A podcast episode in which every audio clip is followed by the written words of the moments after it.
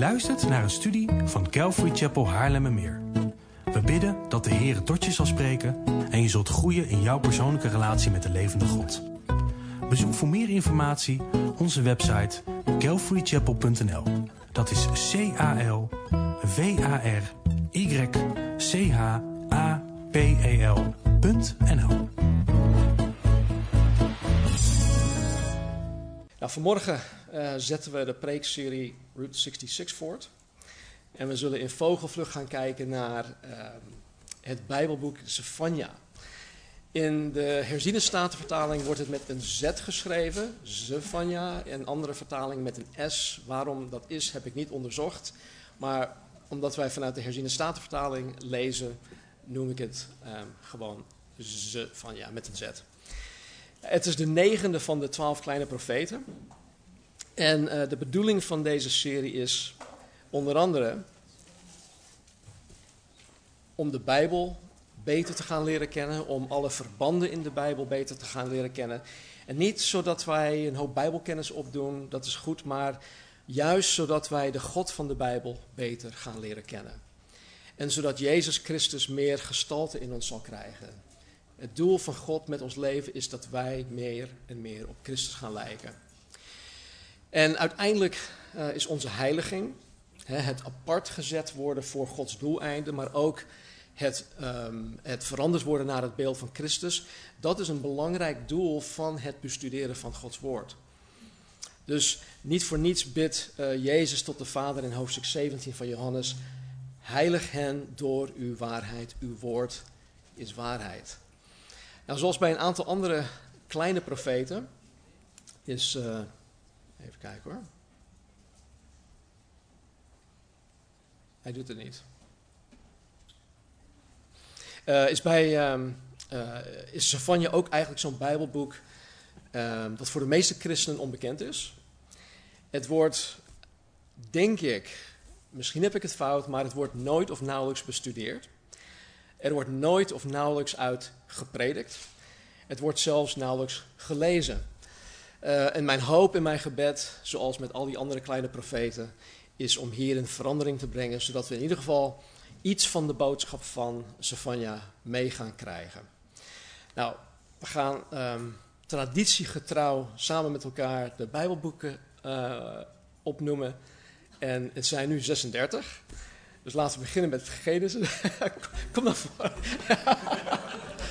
Genesis, Exodus, Leviticus, Numeri, Deuteronomium, Richteren, Rut, twee Samuel, één Koningen, twee Koningen, één Kronieken, twee Kronieken, Ezra, Nehemia, Esther, Job, Psalmen, Spreuken, Prediker, Hooglied. Ik.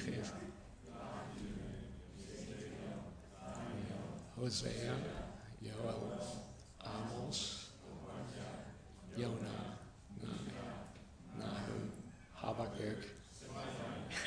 Wat goed. Jullie doen het geweldig. Ja, mooi. Um, alle profeten die hebben uh, hun bediening uitgevoerd tijdens de periode van, um, van de geschiedenis van Israël. En het begon met één koningen en dat gaat eigenlijk door tot uh, na de ballingschap um, Ezra, Nehemia en Esther. Nou, om te kunnen volgen waar de profeten het over hebben, is het dus van essentieel belang dat wanneer je de profeten leest, je de relevante passages in de in geel gekleurde boeken ook leest. En dit is nodig voor onder andere de context. Het is nodig voor achtergrond. Het vergt echt wat tijd en onderzoek. Maar het maakt dat je veel meer effectief, dankjewel, um, de Bijbel tot je zal nemen. Uh, het, het, is, het, Bijbel lezen gaat, veel, uh, gaat om veel meer dan alleen de woorden lezen. We moeten ons het woord van God ook eigen maken. En bovendien, het is heel erg leuk als je ook weet waar het over gaat. Dus uh, mijn aanrader is nogmaals om uh, ja, dit soort dingen met elkaar te doen.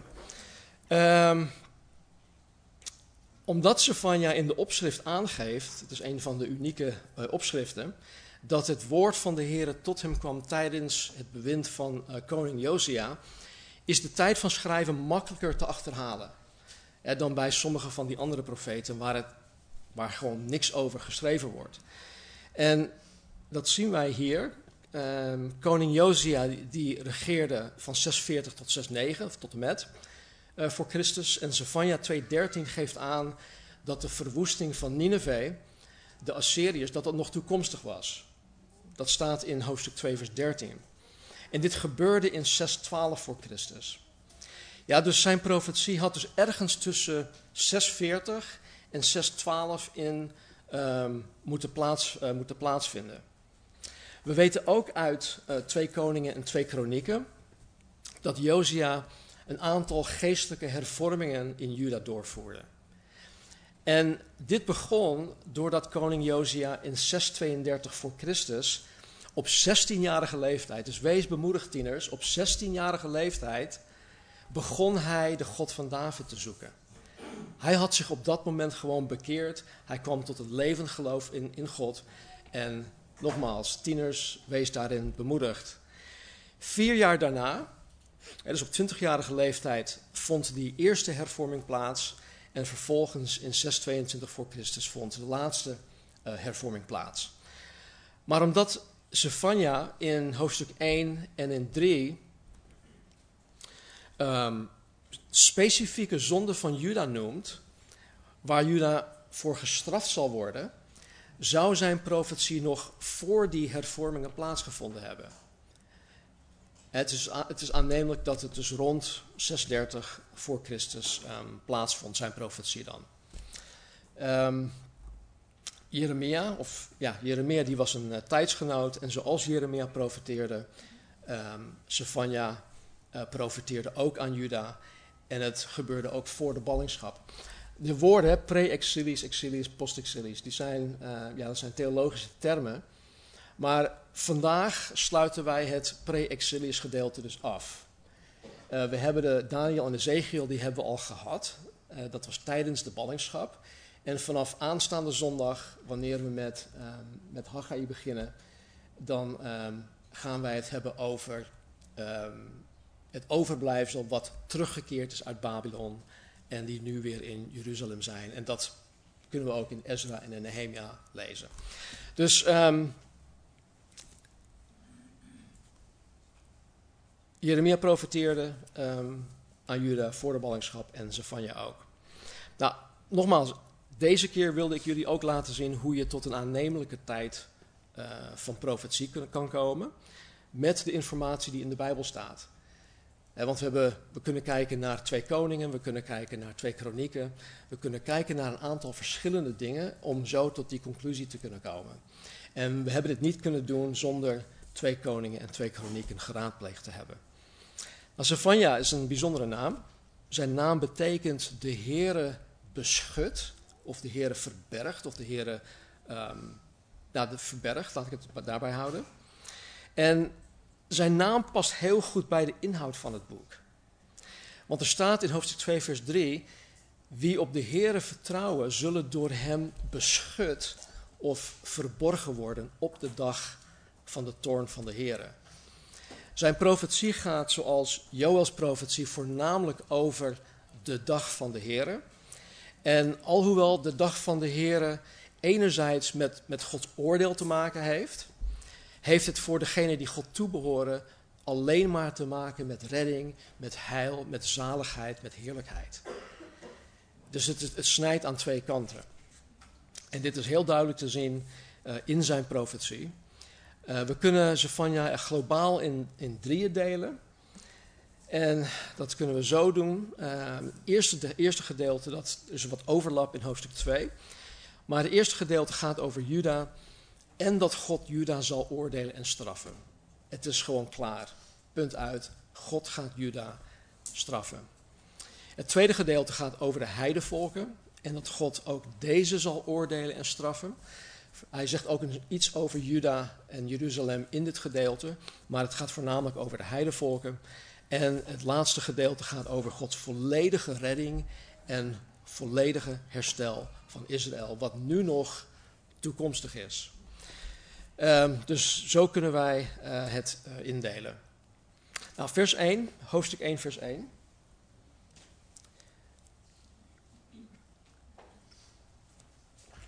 Hoofdstuk 1, vers 1. Ehm, ja, het woord van de Heer dat gekomen is tot Sefania, de zoon van Cushi, de zoon van Gedalia, de zoon van Amarja, de zoon van Hiskia, in de dagen van Josia, de zoon van Amon, de koning van Juda. Zephania was de achter-achterkleinzoon van koning Hiskia. En Hiskia, ik, weet niet of jullie het weten, ik denk dat we het wel over, over gehad hebben toen we in koningen zaten, maar Hiskia was eigenlijk de beste koning dat Juda heeft gehad. En dit betekende hè, dat Zephania gewoon een royal was. Hij had koninklijk bloed. En dit betekent ook dat hij een neef van koning Josia was. Want ook Josia was uh, een, uh, een nakomeling van koning Hiskia. En dit kan hebben betekend dat Sefania toegang had tot het koninklijk hof, waardoor hij toegang tot koning Josia had. He had his ear. En als dit zo was, dan zou Sefania mogelijk bijgedragen hebben aan koning Josia's bekering en ook aan zijn hervorming. We weten het niet zeker, maar het kan eventueel zo zijn geweest. Um, ik denk ook dat um, de reden waarom Zephania ons deze uitgebreide details geeft voor, voor wat betreft zijn persoon en zijn afkomst, dat dat ook daarmee te maken zou kunnen hebben. En dat is vers 1. En dan meteen met de deur in huis vallen schrijft hij vanaf vers 2 dit. Ik zal alles volkomen wegvagen van de aardbodem, spreekt de Heer. Ik zal mens en dier wegvagen. Ik zal de vogels in de lucht en de vissen in de zee wegvagen. En struikelblokken samen met de goddelozen. Ja, ik zal de mensen uitroeien van de aardbodem, spreekt de Heer. Ik zal mijn hand uitstrekken tegen Juda, tegen alle inwoners van Jeruzalem.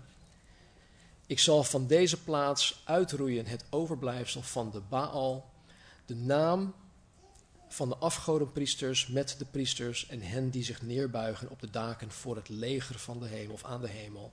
En hen die zich neerbuigen en zweren bij de Here en zweren bij Malkam. Malkam is een ander woord voor Molech, de god, de god van de Ammonieten. En die zich van de Here afkeren bij hem vandaan en die de Here niet hebben gezocht en niet naar hem hebben gevraagd.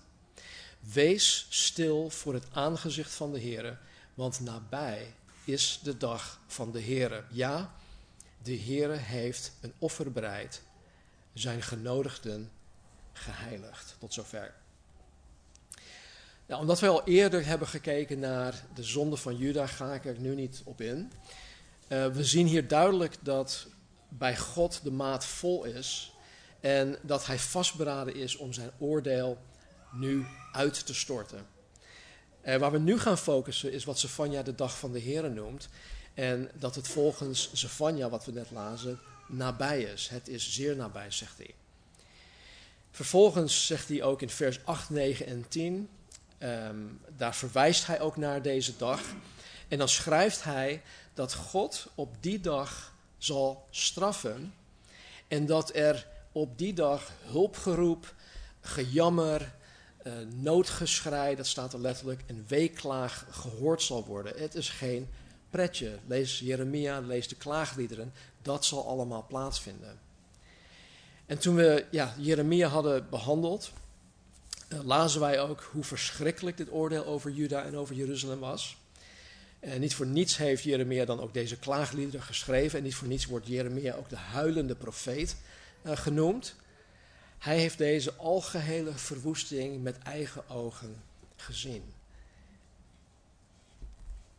Vers 14 tot en met 18. De grote dag van de Heer is nabij. Hij is nabij en nadert zeer snel. Hoor de dag van de Heer. De held zal daar bitter schreeuwen. Een dag van verbolgenheid is die dag. Een dag van benauwdheid en angst. Een dag van verwoesting en vernietiging. Een dag van wolken en donkerheid. Een dag van donkere wolken. Een dag van bazuingeschal en krijgsgeschreeuw tegen de versterkte steden en tegen de hoge hoektorens. Ik zal de mensen benauwen, zodat zij zullen gaan als blinden, want zij hebben tegen de Heere gezondigd. Hun bloed zal uitgegoten worden als stof en hun lichaam als uitwerpselen. Ook hun zilver, ook hun goud zal hen niet kunnen redden op de dag van de verbolgenheid van de Heere. Door het vuur van zijn naijver zal heel dit land verteerd worden, want hij zal zeker en spoedig een vernietigend einde maken aan alle inwoners van het land. Tot zover. Zefania laat hier duidelijk zien wat de dag van de Heer voor Juda in die tijd zou betekenen. En nogmaals, het oordeel van God over Juda en Jeruzalem is eigenlijk gewoon te verschrikkelijk voor woorden. En dit laat zien dat je niet aan de verkeerde kant van God wil staan. Je wil echt niet aan de verkeerde kant van God staan. Wat Juda aan de verkeerde kant van God deed staan, heeft God zelf in vers 17, uh, eh, geeft hij zelf in, in vers 17 aan. Er staat, want zij hebben tegen de Here gezondigd. En omdat Juda de mogelijkheid om voor haar zonde vergeven te kunnen worden, omdat ze dat hebben verworpen, moet Juda nu voor haar eigen zonde boeten. Ja, dus de mogelijkheid die God hun gegeven had om vergeving te kunnen krijgen, dat hebben ze geheel verworpen. En nu moeten ze voor hun eigen zonde boeten. En dit geldt ook voor ons. En, niemand wil dat. Niemand wil dat anno 2022 uh, eh, ook niet. En het, en het hoeft nu ook helemaal niet.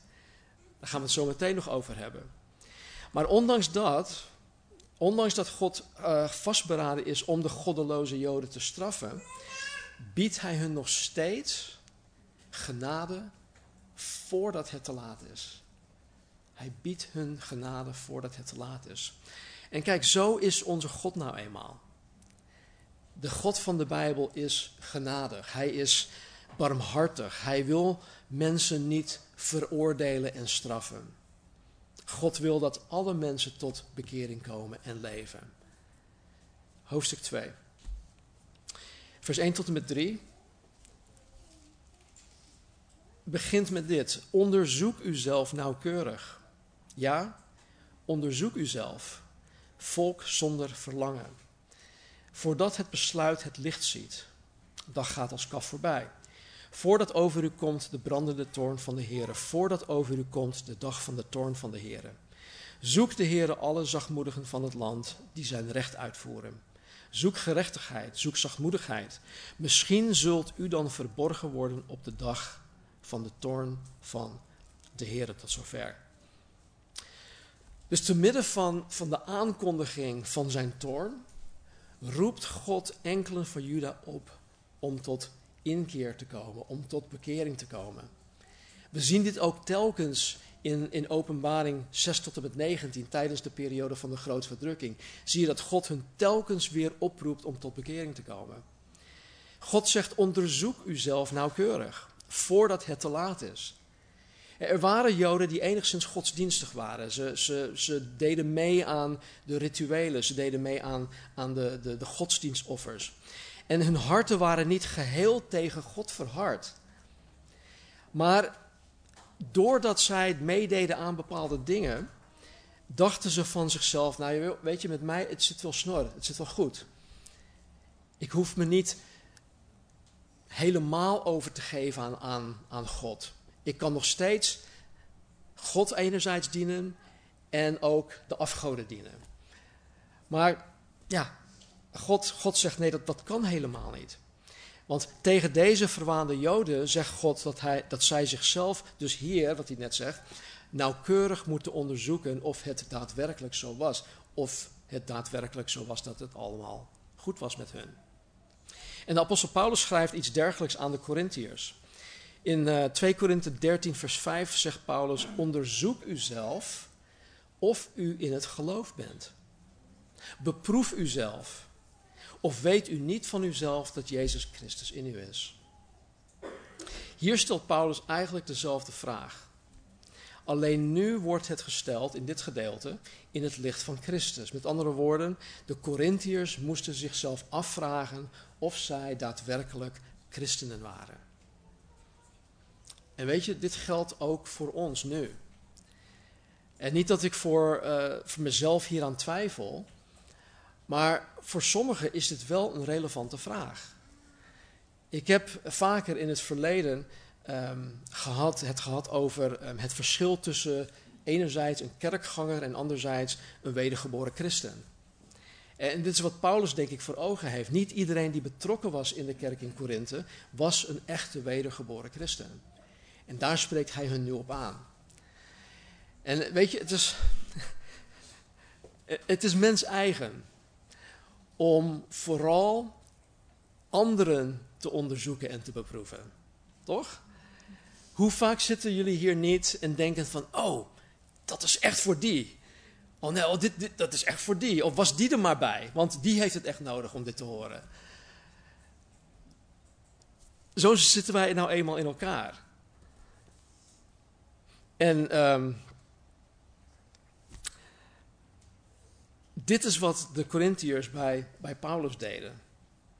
En maar wij moeten te allen tijden bij onszelf beginnen. Wij moeten bij onszelf beginnen, hand in eigen boezem steken. Wij moeten onszelf tegen het licht van Christus en tegen het licht van de Heilige Schrift houden. En voor sommigen geldt dat zij zichzelf moeten onderzoeken en beproeven om te bepalen of zij echt een christen zijn. Dat is nodig. Voor anderen is het meer om te bepalen in hoeverre Christus gestalte in hen heeft en in welke mate zij de vrucht van de geest in hun leven dragen. Gods woord is altijd een spiegel in dat opzicht. En kijk, hoe, hoe iemand zichzelf beproeft, of hij in het geloof is, doet hij niet door zichzelf bijvoorbeeld ergens af te zonderen of door geen fellowship met mensen te hebben, eh, door in zijn eentje of op een eilandje uh, zichzelf te overtuigen van hoe sterk en hoe standvastig en hoe rotsvastig geloof is, enzovoort, enzovoort. Er zijn mensen die dus totaal niks met de kerk willen te maken hebben, die zich afzonderen van de fellowship, die zich afzonderen van de kudde en die, die van zichzelf denken, met mij zit het goed, want. En weet je, die, die mensen moeten zichzelf echt afvragen, ben ik wel echt wedergeboren? Men beproeft zichzelf door onder andere in het licht van het woord eerlijk te kijken naar bijvoorbeeld hoe hij zijn echtgenote ziet en behandelt. Hoe hij zijn broeders en zusters ziet en behandelt.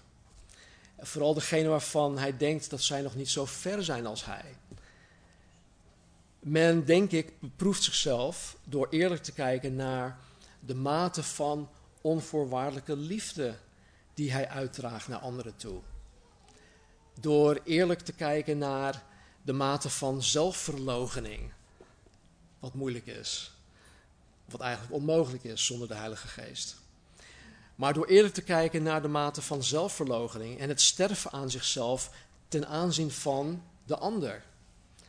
Weet je, als ik ergens alleen ben in mijn kamer of, of als ik als een kluizenaar woon, dan kan ik 24/7 mezelf verlogenen en uh, sterven aan mezelf. Want ik heb met niemand te maken. Niemand, niemand uh, haalt het bloed van onder mijn nagels vandaan. Weet je, niemand, niemand doet mij iets aan. Dus ja, natuurlijk, nou, ik, ben, ik ben een goede christen. Top. Kijk maar. Maar je moet ook eerlijk kijken naar hoe Jezus Christus, die in hen is, of die in je, die in je, die in je is, hoe Christus zich manifesteert jegens de ander. Het gaat altijd om de ander. Het gaat niet om mezelf. Uh, ons leidersteam heeft aan het begin van dit jaar, um, in februari dacht ik, samen een uh, midweek doorgebracht uh, bij Hebron Missie in Amerongen. Om Jezus en om elkaar beter te gaan leren kennen. Het was echt een super gezegende week. En we hebben gekeken naar het onderwijs van een zekere Gail Irwin, een Amerikaan. Gail, het is een vrouwelijke naam, maar het is eigenlijk een man. Een echte, hij is een echte man, dus uh, voor, voor, alle duidelijkheid. Um, ik weet dat dat vandaag een beetje moeilijk is. Maar goed, Gail Irwin is een echte man die in zijn studies de karaktereigenschappen van Jezus eh, van Jezus als mens uh, belicht en ook toelicht. Deze eigenschappen die worden trouwens elke zondag voor en na de dienst op het, uh, op het scherm geprojecteerd. Maar goed, het doel van deze mid midweek was, en is nog steeds, om te leren een christen en een leider te zijn zoals Jezus. Hij is ons ultieme voorbeeld. Hoe hij God heeft laten zien terwijl hij hier op aarde was, zo moeten wij ook worden. Dus het is belangrijk als wij weten hoe Jezus zich gedroeg in alle situaties waar hij mee te maken kreeg. Wat is zijn hartgesteldheid? Hoe ziet Jezus eruit? Hoe zou je Jezus beschrijven en omschrijven? En, en dat was het doel van, um, van die week. En deze karaktereigenschappen van Jezus, die zijn voor ons, het leidersteam, de beste toetssteen om te beproeven of wij daadwerkelijk als Christus zijn in hoe wij met elkaar omgaan in het team. En vooral ook hoe wij met Gods kudde omgaan. Jaren geleden was er een, uh, een Russische vrouw in onze gemeente. En we hadden het over schapen en kudden en de vergelijking van schapen en kudden met mensen in de gemeente enzovoort. En ze zei dat haar voorganger uh, altijd vanaf de kansel zei dat, um, dat schapen bijten. Ze bijten elkaar. En ze bijten ook de, de herder. En heel netjes gezegd, en ze poepen overal. Weet je, dus it's messy. Het is niet um, altijd heel klinisch kerk zijn, uh, samen met elkaar optrekken. En om dan met Gods kudde om te gaan, wanneer het niet um, gaat zoals wij willen dat het gaat, dan hebben we de karaktereigenschappen van Jezus keihard nodig om te handelen zoals Hij zou handelen. Door onszelf dus elke keer weer uh, tegen het licht van deze karaktereigenschappen van Jezus te houden. Um, wat ik net ook zei, is, is hoe wij onszelf beproeven. En voor de duidelijkheid, wij doen dit niet om te beproeven of wij gered zijn, maar om te beproeven of, of wij echt als Christus zijn. Christen betekent trouwens als Christus. Het is overigens een, een zeer waardevolle studie. Uh, als je het wil volgen, bestaat volgens mij uit vier delen. Maar als je wil volgen, laat het me weten. Ik stuur je de link. Het is Engelstalig. Um, het is ook heel, heel Amerikaans. Het is volgens mij ergens uit 1993. Dus het is ook nog een beetje ja, oudbollig. Maar het, de, de inhoud is zo, is zo waardevol. Um, ik had een aantal jaar geleden zelf uh, dezelfde studie geprobeerd te geven. En ik denk dat ik het in vijf delen heb gedaan. Uh, je zou kunnen zoeken op onze website uh, op um, iets van christen zijn in de stijl van Jezus of zoiets. Christen zijn in de stijl van Jezus, denk ik. Uh, maar goed, die van Gail Urban is veel beter. Dus als je Engels goed kan verstaan, dan raad ik je die ook echt aan.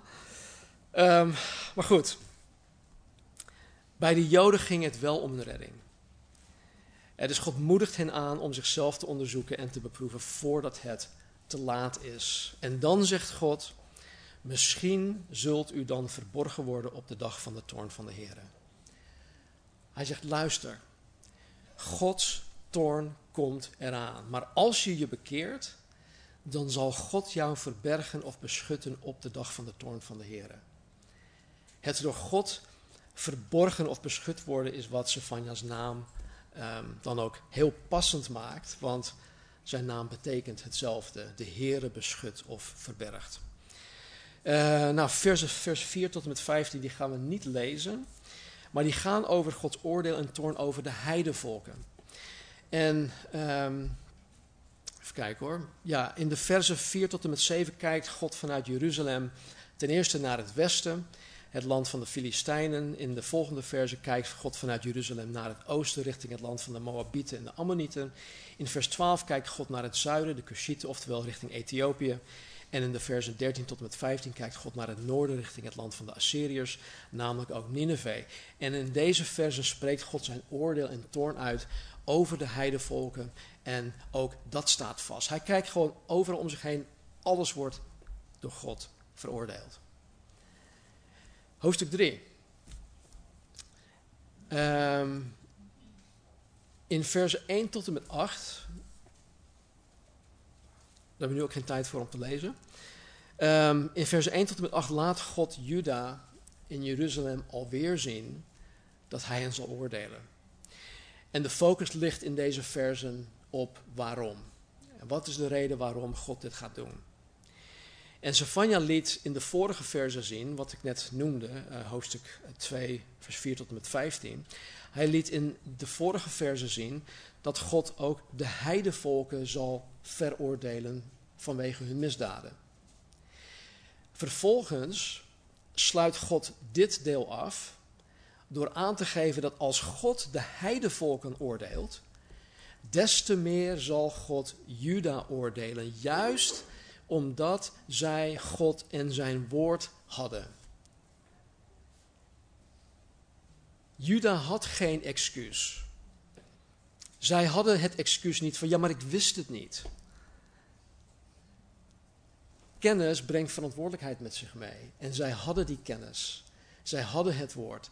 Zij hadden de tempel. Ze hadden alles dat nodig was om God na te volgen, te gehoorzamen, te dienen.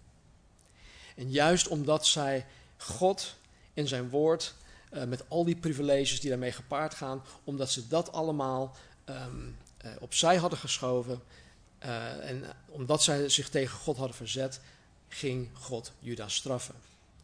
Juda moest beter weten. Kijk, God had zichzelf als God en hij had zijn woord aan hen toevertrouwd. Ze waren hier verantwoordelijk voor.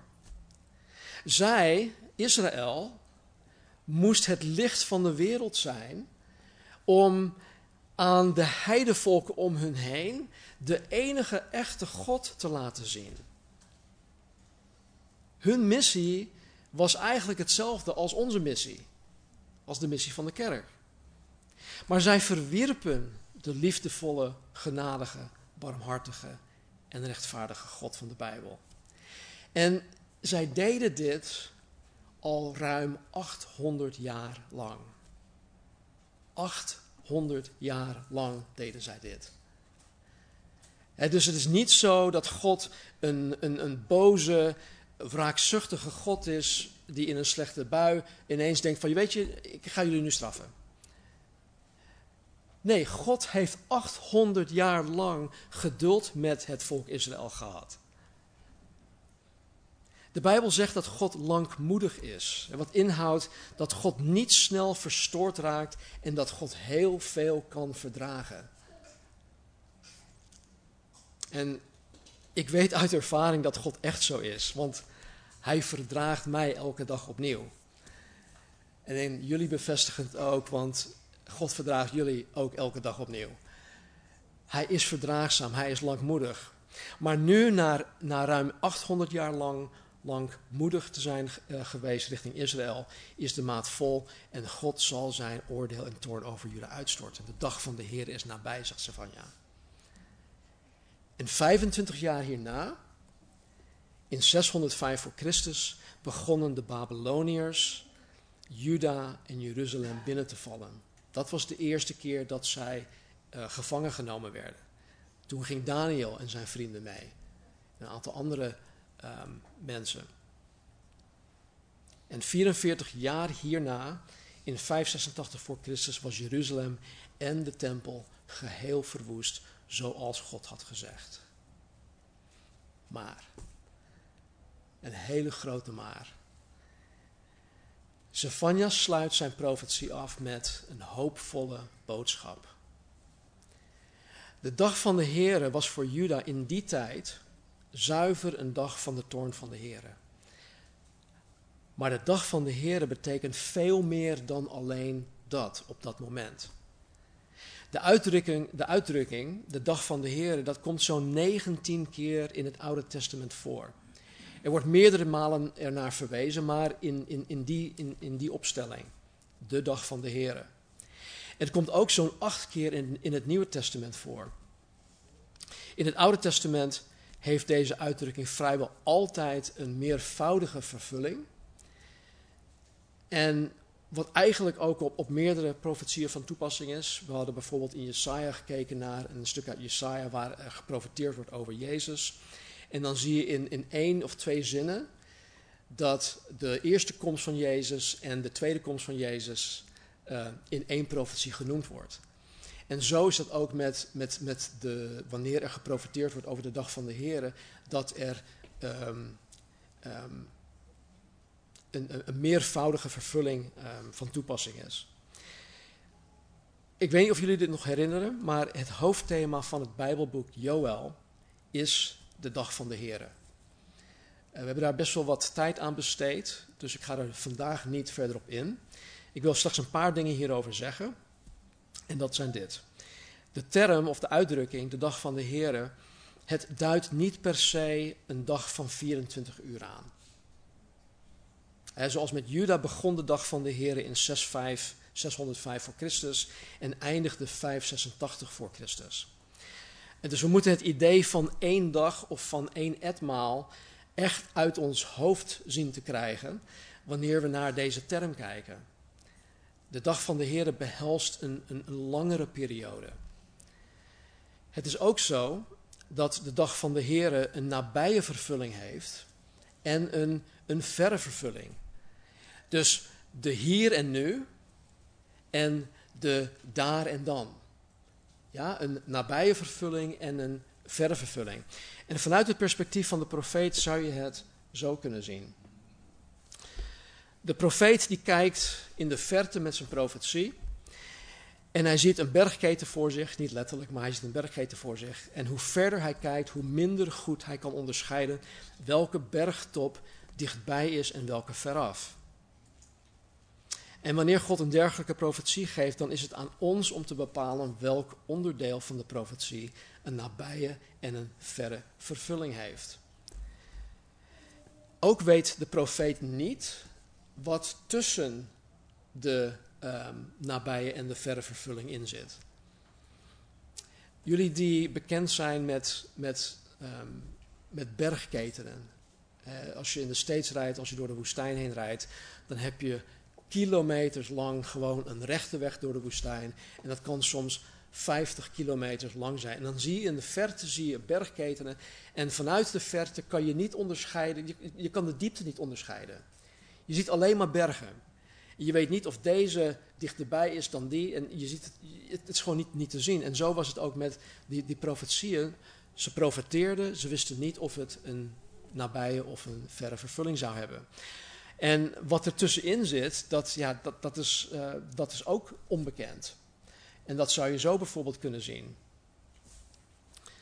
Uh, de profetie die, um, die vindt plaats, die wordt genoemd de profeet die ziet um, alleen maar die bergtoppen. Niet wat er tussenin zit en ook niet of het nabij of um, een verre vervulling heeft. Nou, in het geval van Sefania zien wij dus dat de nabije vervulling reeds plaatsgevonden heeft met de verwoesting van uh, Juda en Jeruzalem en de omringende heidevolken en landen. Maar de verre vervulling is nu nog toekomstig. Het zit er nog aan te komen. En deze nu nog toekomstige betekenis van de dag van de Here is het meest bekend onder ons. Want het heeft met uh, eschatologie te maken, oftewel het heeft met eindtijdleer te maken. En het zal voor de ongelovigen een langere periode van Gods oordeel zijn. Uh, lees bijvoorbeeld Openbaring 6 tot en met 19 verschrikkelijke dingen. Als je daar uitleg over wil hebben, we hebben een aantal jaren geleden um, openbaring vers voor vers behandeld. Ik denk dat we dat in 44 zondagen hebben gedaan. Um, dus ja, het staat ook uh, op onze website. Dus um, voor de ongelovigen is het, een, is het een langere periode van Gods oordeel en toorn. Maar voor, de, voor Israël en voor de christenen zal het een periode zijn van herstel, van redding, en het allerbeste leven dat we ons kunnen, ons kunnen voorstellen. want het, is, het zal, zal zijn onder het bewind van de enige, echte, rechtvaardige en liefdevolle koning der koningen, Jezus Christus. Hij zal regeren. En dan eindigt de profeet met deze woorden. Laten we samen lezen, vers 9 tot en met 20.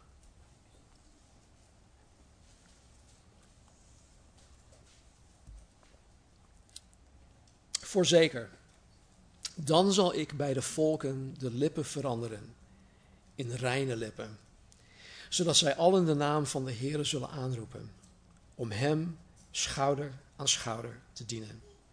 Van over de rivieren van Kush zullen zij die vurig tot mij bidden, het volk overal door mij verspreid, mijn offeren brengen. Op die dag zult u niet beschaamd zijn over al uw daden waarmee u tegen mijn opstand kwam. Want dan zal ik hen uit uw midden wegdoen, die uitgelaten zijn over uw hoogmoed. Voortaan zult u zich niet meer verheffen omwille van mijn heilige berg. Maar ik zal in uw midden doen overblijven een ellendig en arm volk. Zij zullen op de naam van de Heere vertrouwen. Het overblijfsel van Israël zal geen onrecht doen en geen leugen spreken. En in hun mond zal niet gevonden worden een tong die bedriegt. Ja, zij zullen weiden en neerliggen en niemand zal hun schrik aanjagen. Zing vrolijk, dochter van Sion. Juich Israël. Wees blij en spring op van vreugde met heel uw hart, dochter van Jeruzalem. De Heer heeft uw oordelen weggenomen. Hij heeft uw vijand weggevaagd. De koning van Israël, de Heere, is in uw midden. U zult geen kwaad meer zien. Op die dag zal tegen Jeruzalem gezegd worden: Wees niet bevreesd, Sion. Verlies de moed niet. De Heere uw God is in uw midden, een held die verlossen zal. Hij zal zich over u verheugen met blijdschap. Hij zal zwijgen in zijn liefde. Hij zal zich over u verblijden met gejuich. Wie bedroefd zijn vanwege de samenkomst, zal ik verzamelen. Zij zijn uit u. De smaad drukt als een last op hen. Zie, in die tijd ga ik optreden tegen al uw verdrukkers. Ik zal verlossen wie mank gaat, bijeenbrengen wie verdreven is. Ik zal hen maken tot lof en tot een naam in heel het land waar zij beschaamd waren. In die tijd zal ik u hierheen brengen, namelijk in de tijd dat ik u zal bijeenbrengen. Voorzeker, ik zal u maken tot een naam en tot lof onder alle volken van de aarde. Wanneer ik voor uw ogen een omkeer in uw gevangenschap brengt, of breng, zegt de Heere. En dat is het einde van ja. Ik weet niet wat dit met jullie doet, maar als ik dit lees, word ik daar gewoon emotioneel van. Dit is onze toekomst. Dit is de toekomst voor Israël. Dit is wat God voor Israël in petto heeft. Kijk, wij mogen hier aan deelnemen. Wij heidense, de niet-Joodse christenen, zijn volgens Paulus in Romeinen 11 als de wilde olijfboom geënt. En we hebben deel gekregen aan de wortel en de vettigheid van de olijfboom. Dat vind ik zo'n mooie uitspraak. En God heeft dit voor ons mogelijk gemaakt door zijn zoon Jezus Christus, door hem voor ons op te offeren aan het kruis. Wij hebben als christenen het allerbeste toekomstperspectief. En met dat voor ogen, en dat moeten we gewoon continu voor ogen houden, want er is zoveel narigheid en ellende hier aan deze kant van de eeuwigheid.